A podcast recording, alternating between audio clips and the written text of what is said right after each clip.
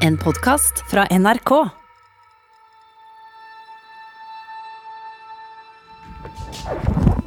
Kan du si 1, 2, 3? 1, 2, 3. 1, 2, 3, sånn. Skal du lese? Jeg veit ikke. Vi trenger ikke å lese den, Du kan gjøre det en annen gang. Jeg er redd. Er du? Ja. Dette er Ebba Ryst Heilmann. Hun er 35 år gammel og jobber som saksbehandler hos namsmannen i Oslo. Kanskje har du ikke hørt om Ebba, for hun har levd et stille liv. Men for drøyt fire år siden traff hun en gammel bekjent, en hun ikke hadde møtt siden barndommen i Moss. Han var separert og bodde på hotell mens han venta på at håndverkerne skulle bli ferdig i huset han hadde kjøpt. Ari het han, Ari Ben. De ble sammen, de to, og tre år etter det første møtet skrev Ari en bok om tida de hadde hatt sammen, han og Ebba. Boka het Inferno og blei Aris siste. Nå ligger den i Ebbas fang, og hun orker ikke å åpne den. Det er faktisk det eneste. Jeg har gjort veldig mye som ikke har vært lett å gjøre. Jeg har vært i huset. Og jeg har jo vært og sett han da han var død. Jeg klarte begravelsen. Men akkurat den boka der Hva er det som er grunnen til at du ikke orka å ta opp den her, da? Hans ord blir så veldig sterkt. Det blir enda sterkere nå enn det det var.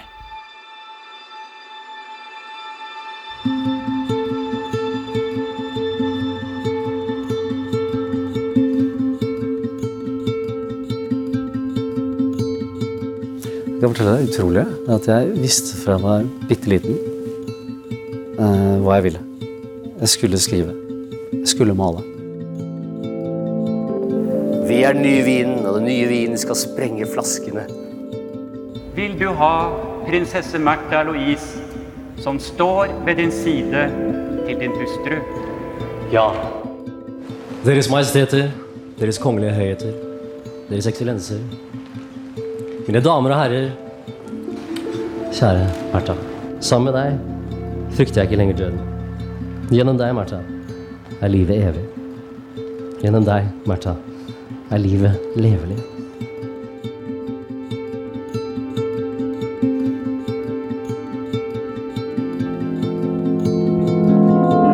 Prinsesse Märtha Louise og Ari Behn skilles altså etter 14 år. Det opplyser kongehuset i kveld. De to skal ha delt omsorg for de tre barna sine. Vondt og trist også for alle som står rundt, sier kongen og dronningen i en kommentar. Men hva er dette inferno? Så det koster jo å leve. Det koster jo å være et menneske. Jeg kjenner jo plutselig at når jeg da står inne i dette helt nye som har skjedd i mitt liv, og som skjer i manges liv, så, så må jeg rett og slett eh, ja, finne tilbake til kjernen. Så står jeg her akkurat nå, i dette på en måte nullpunktet, hvor alt forandres. Jeg kaller det et inferno. Nå vet jeg ikke hva som skjer.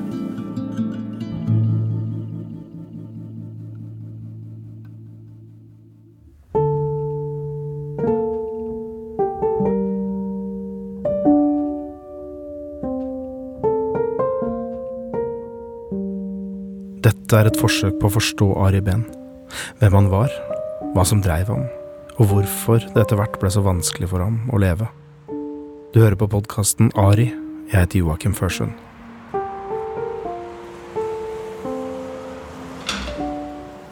Det var mye vi nordmenn visste om Ari Behn, for vi kunne jo lese om ham i avisa, hele tida nesten. Men så var det mye vi ikke visste også, for det var jo ikke hele Ari vi leste om. Jeg kjente ikke Ari, det vil si, Ari kjente hundrevis av folk, han stoppa på gata og snakka med dem, han spurte, han lytta, han huska hvem alle var, og jeg var kanskje en av dem. Jeg intervjua ham noen ganger, jeg traff ham her og der, for vi var cirka like gamle, og skreiv begge to. Men jeg kjente ham jo ikke sånn egentlig. Jeg visste ikke hva han dreiv og strevde med de siste årene han levde, og jeg visste ikke hvem Ebba var.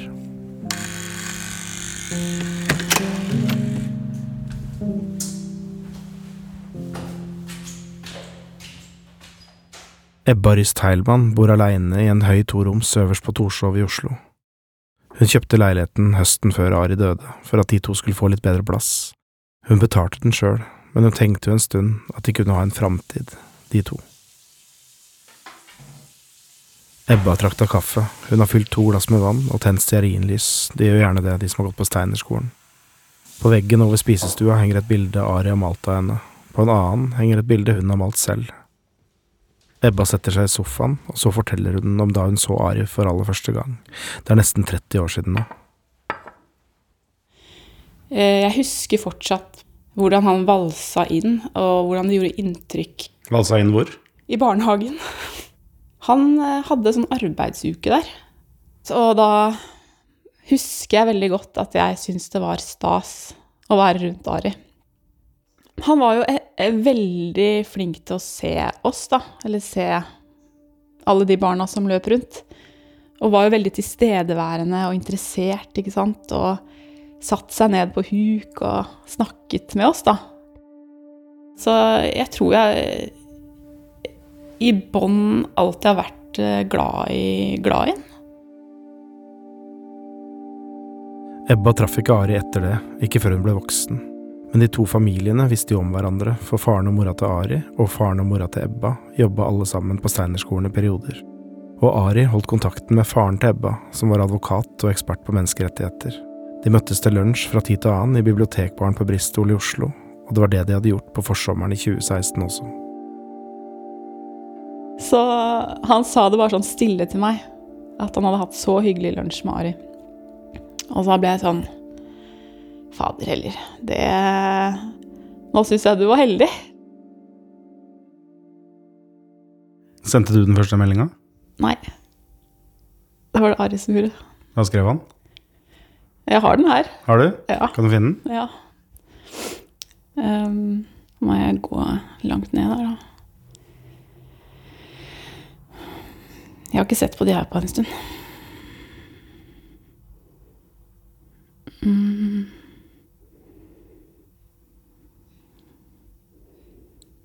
Og langt ned.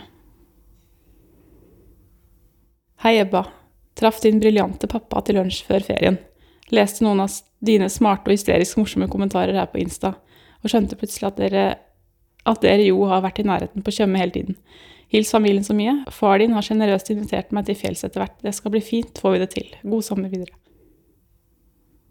Så var det litt meldinger fram og tilbake, men jeg eh, tenkte at det var eh, å catch up, liksom. Tenkte ikke at det var noe Noe Jeg husker det var noe flørting helt fram til han skriver 'Kjære Ebba, det er noe hamsunsk over oss to', prikk, prikk, prikk. Ebba hadde ikke vært sammen med noen på et par år. Ikke hadde hun leita aktivt etter noen å dele livet sitt med heller. Hun hadde sittet nede på kontoret hos namsmannen og tenkt at livet var grått og begivenhetsløst, men da denne tolv år eldre forfatteren og levemannen plutselig skrev at det var noe hamsunsk over dem, hadde hun retta seg opp i ryggen og tenkt at han der, han kunne jeg tenke meg å treffe.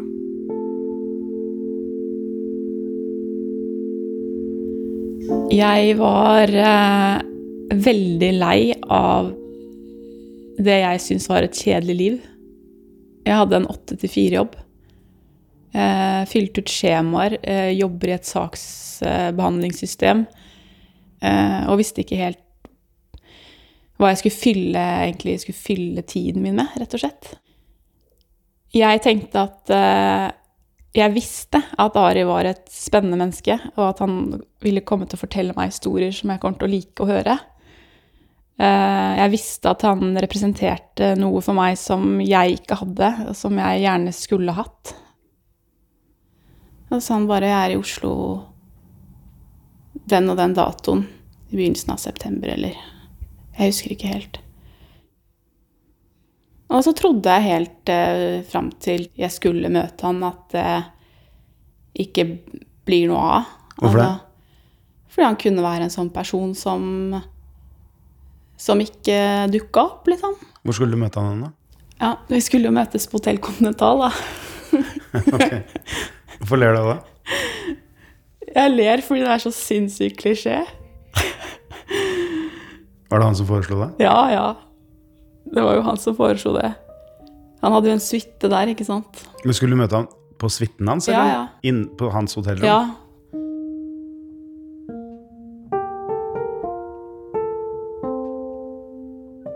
Det er jo ikke helt tilfeldig at Ari Behn inviterer Ebba til Hotell Continental. Det var her, i teaterkafeen i første etasje, at han klatra opp på en stol og ropte at han var den nye vinen, for så å bli kasta ut og utestengt på livstid.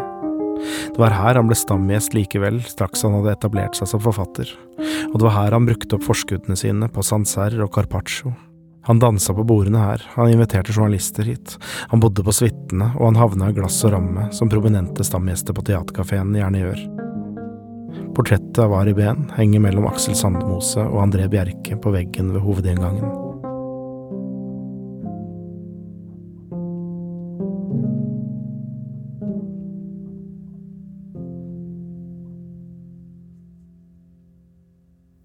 Og da husker jeg sendte melding ti minutter før jeg skulle være der, da. Eh, og tenkte at nå får jeg sikkert ikke svar. Fordi han kunne jo bare Nei, det var noe som kom opp, eller Men så svarte han jo med én gang. Og så Jeg var jo ganske nervøs, egentlig. For jeg visste ikke hva Jeg visste bare at jeg skulle møte han, og jeg kjente jo ikke han. Eh, og et hotellrom Ja, ja. Så sist du snakka med han, så gikk du i barnehagen? Ja. Så det vel kanskje det som gjorde meg trygg også, da. At det er jo bare det. Det er jo bare to bekjente som skal snakke sammen igjen, liksom. Jeg husker jeg gikk bort til resepsjonen der på Hotell Continental, og jeg var så Jeg skamma meg liksom litt. For det ser jo ikke bra ut at uh, jeg går inn der og sier at jeg skal til Ariben. Men så sa jeg det veldig lavt, og jeg ville ikke at noen skulle høre det. Og han hørte det jo selvfølgelig ikke, han resepsjonisten heller. Så du måtte si det en gang til?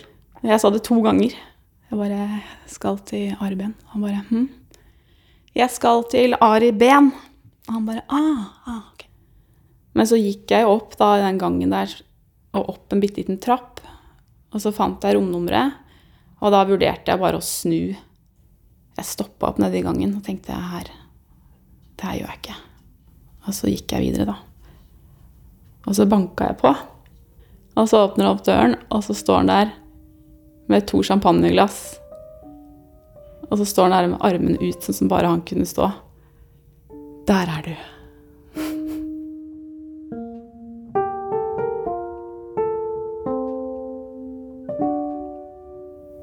Han hadde på Han hørte på Billie Holiday på Mac-en sin. Så den sto litt sånn i bakgrunnen der. Så kommer jeg inn i rommet der etter vi er ferdig å klemme, så titter jeg litt rundt, og det er liksom Jeg ser bagen hans står der. Og overalt så ligger det teposer. Og så lukter det litt sånn urter på hele rommet. Det lukta jo steinerskole. Så jeg falt jo inn i den her er, det, her er det deilig å være, liksom. Slappe av med en gang. Og så skravla vi i timevis. Og det som var med Ari, var at han var så veldig interessert i alt jeg hadde gjort i de siste ti år, altså i livet mitt. Og hvor jeg hadde vært, og hvem jeg hadde møtt, og hvilke kjærester jeg hadde hatt. Og så var det hele tiden oppfølgingsspørsmål.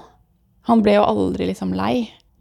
Så han, han hadde en entusiasme over mitt liv som jeg overhodet ikke hadde selv.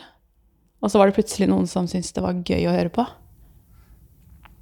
Han kunne lese mennesker, tror jeg, på en måte som jeg aldri har vært borti før.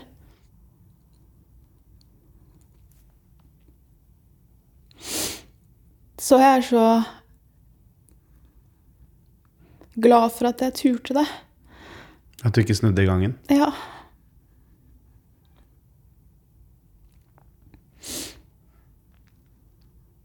Og så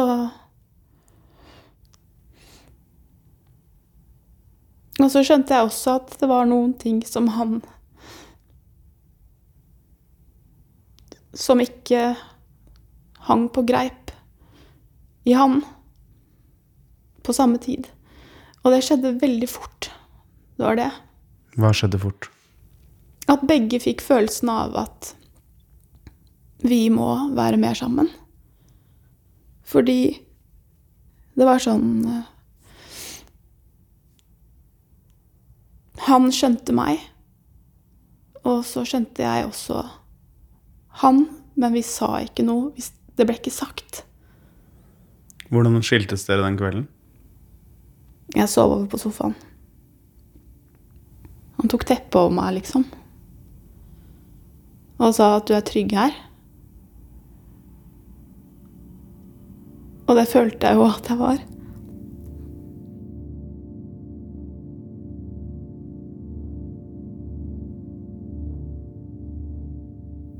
Men så våkna jeg opp dagen etterpå av at Ari vekker meg. Og er livredd. Hvorfor det? Han hosta blod. Han sa det er noe alvorlig galt med meg, jeg hoster blod.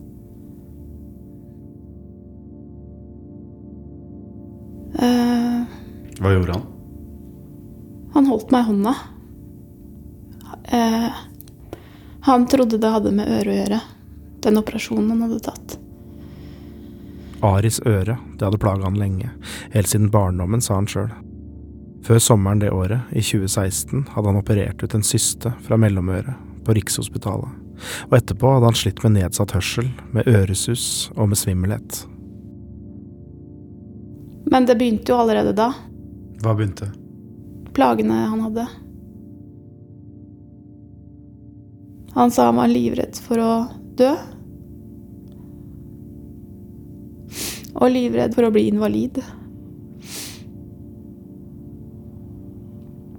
Og var egentlig livredd for å bli gal. Sa han det? Ja. Hva tenkte du om det, da? Jeg tenkte jo at det var irrasjonelt. Og så sto jeg opp, og så holdt jeg rundt han, og så sa jeg bare at så han langt inn i øynene og sa at dette kommer til å gå bra. Men du må komme deg på Riksen og sjekke det. Så han dro opp alene. Og så kom jeg etterpå igjen. Til sykehuset eller til hotellet? Hotellet. Jeg ville sjekke om det gikk greit.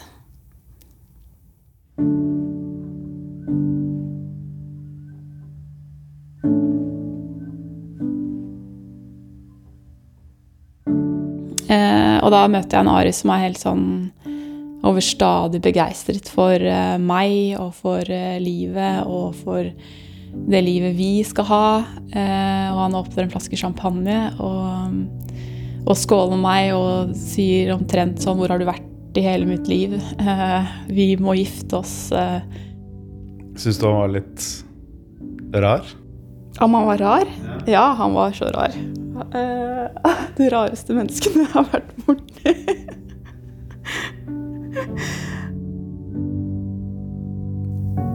Ja, det er mest, han er det mest spesielle mennesket jeg har møtt. Og så tok jeg rett og slett en pause. Jeg gikk på badet og så meg i speilet og tenkte hva er det her for noe? Hva gjør jeg her nå, og hva gjør jeg med en kjærlighetssyk, knust Ari på en suite 500 meter fra min egen jobb? Hvor lenge var du på badet? Fem minutter eller noe. Jeg tenkte da at jeg hadde to valg. Jeg kunne gå og la det være. For evig og alltid? Ja. Fordi jeg tenkte at det her blir altfor mye.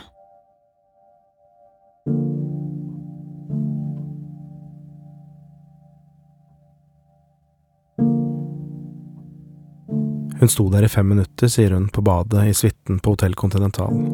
Den da 31 år gamle Ebba Ryst Heilmann, en singel namsfullmektig fra Moss, bosatt i en 35 kvadratmeters leilighet på Alexander Kiellands plass. Skal jeg bli her hos Ari Behn, eller skal jeg dra, tenkte Ebba.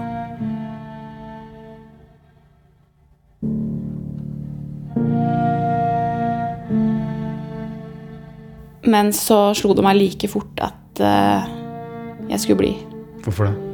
Jeg visste at det var viktig at jeg var der. Det var viktig for meg, og det var viktig for Ari. Og at det kom så himla fort. Som sagt, det kan ikke jeg forklare. Så da bestemte jeg meg da, da jeg sto på badet der, at jeg skulle bli.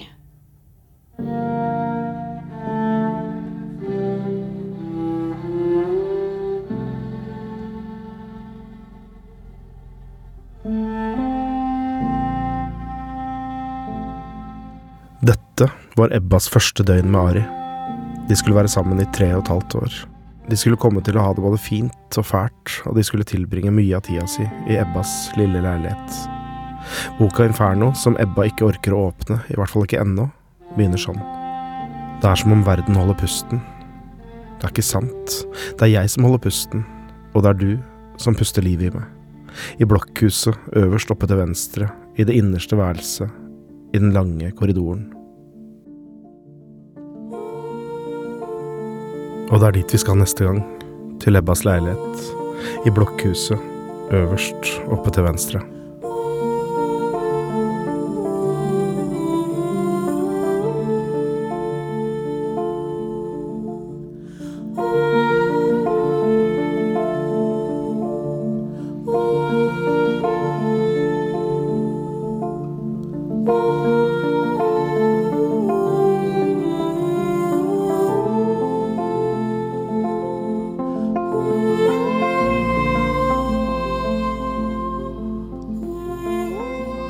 Dette var den første delen av podkasten Ari.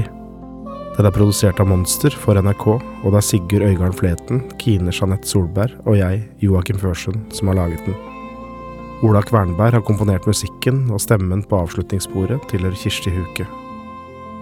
Eksekutiv produsent i Monster er Vibeke Rolland, og vår redaktør i NRK er Miriam Minyares. Hvis du har behov for noen å prate med om mental helse, ring 116 123.